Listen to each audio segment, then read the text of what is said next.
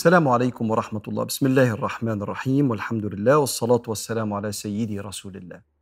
مستمرين في رحلتنا في حياة سيدنا محمد عليه الصلاة والسلام. إحنا النهاردة في نهاية سنة ثلاثة من بعد هجرة النبي عليه الصلاة والسلام.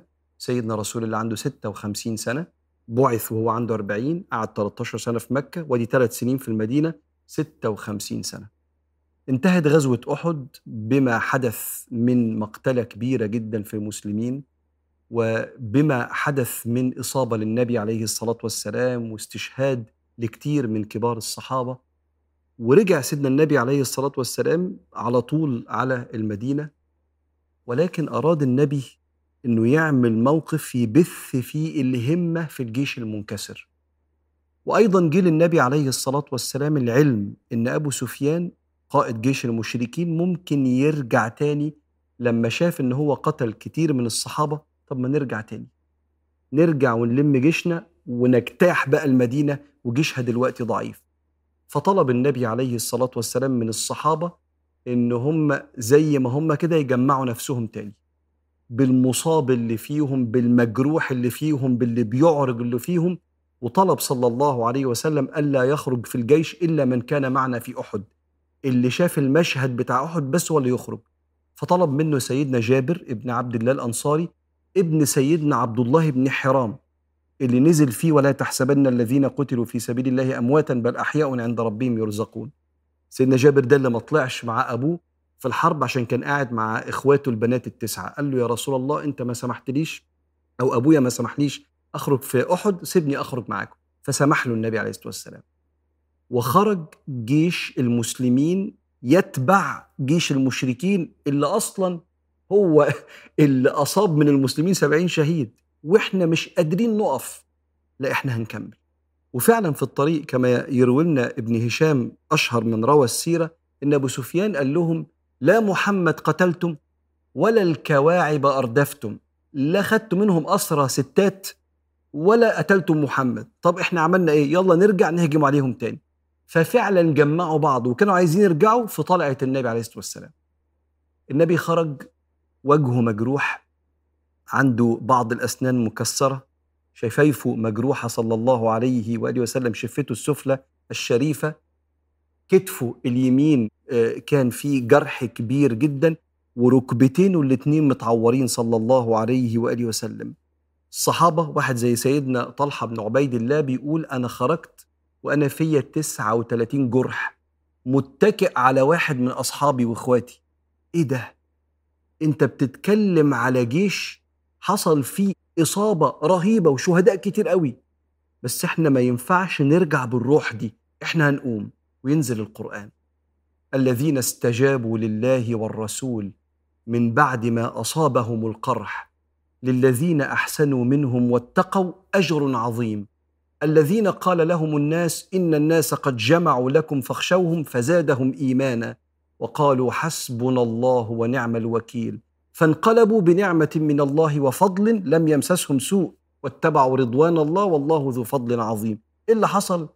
اللي حصل؟ إن سيدنا النبي عليه الصلاة والسلام خرج وكان في قبيلة من القبائل فيها مسلمين وفيها مشركين اسمها قبيلة خزاعة. منهم واحد اسمه معبد الخزاعي.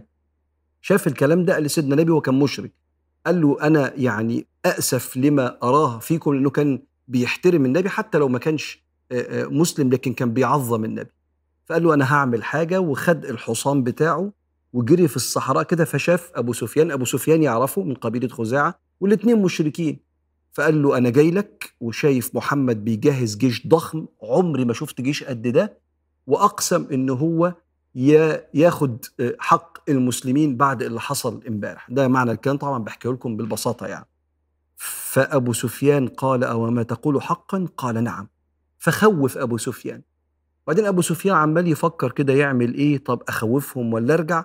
فقام باعت واحد من قبيلة اسمها قبيلة عبد قيس. روح قول لمحمد إن إحنا مجهزين جيوش إحنا كمان كبيرة جدا علشان نرجع نجتاح المدينة.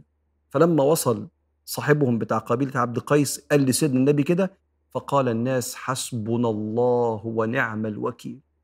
ساعتها كان أبو سفيان بيستشير الناس وصدق معبد الخزاعي وخاف إن فعلا النبي عليه الصلاة والسلام يجي يثأر للي حصل في أحد فمشي جيش المشركين ووصل جيش المسلمين لمنطقة اسمها حمراء الأسد على بعد عشرة أميال من المدينة.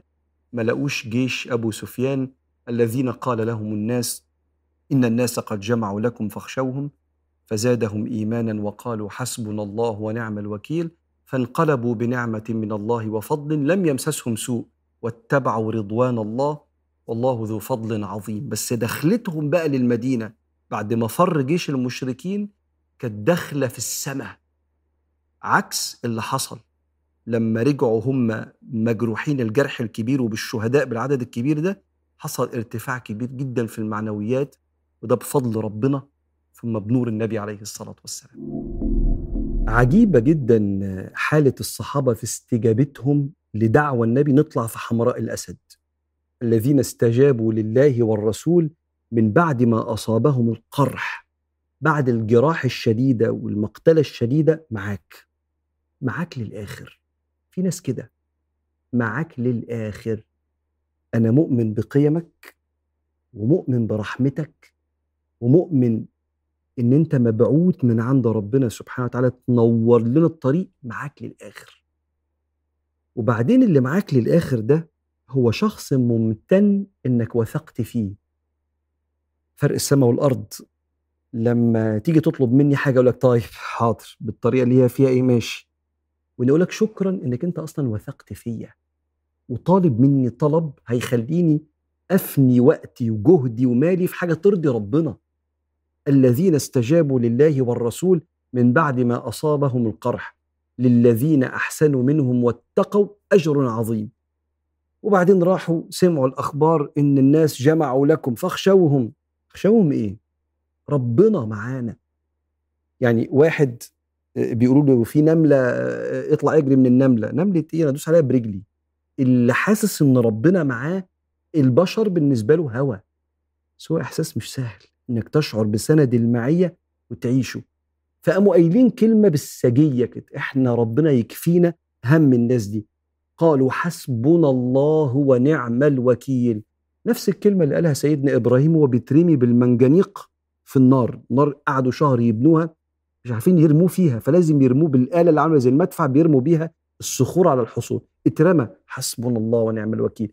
اكفيني يا من تستطيع أن تكفيني. فانقلبوا بنعمة من الله وفضل. لم يمسسهم سوء. أنا متصور وهم راجعين آخر اليوم كده مرهقين جدا جدا. النومة كانت حلوة. أحلى نومة في الكون لما ترجع تعبان من حاجة ليها قيمة عملتها. وزع إطعام بتشتغل بتساعد حد كان عنده أزمة ومشيت لما رجلك ورمت معاه. راجع بيتك بتحط دماغك على المخدة كده. ملك. ملك إن ربنا أكرمك بالتعب ده سبيله سبحانه وتعالى.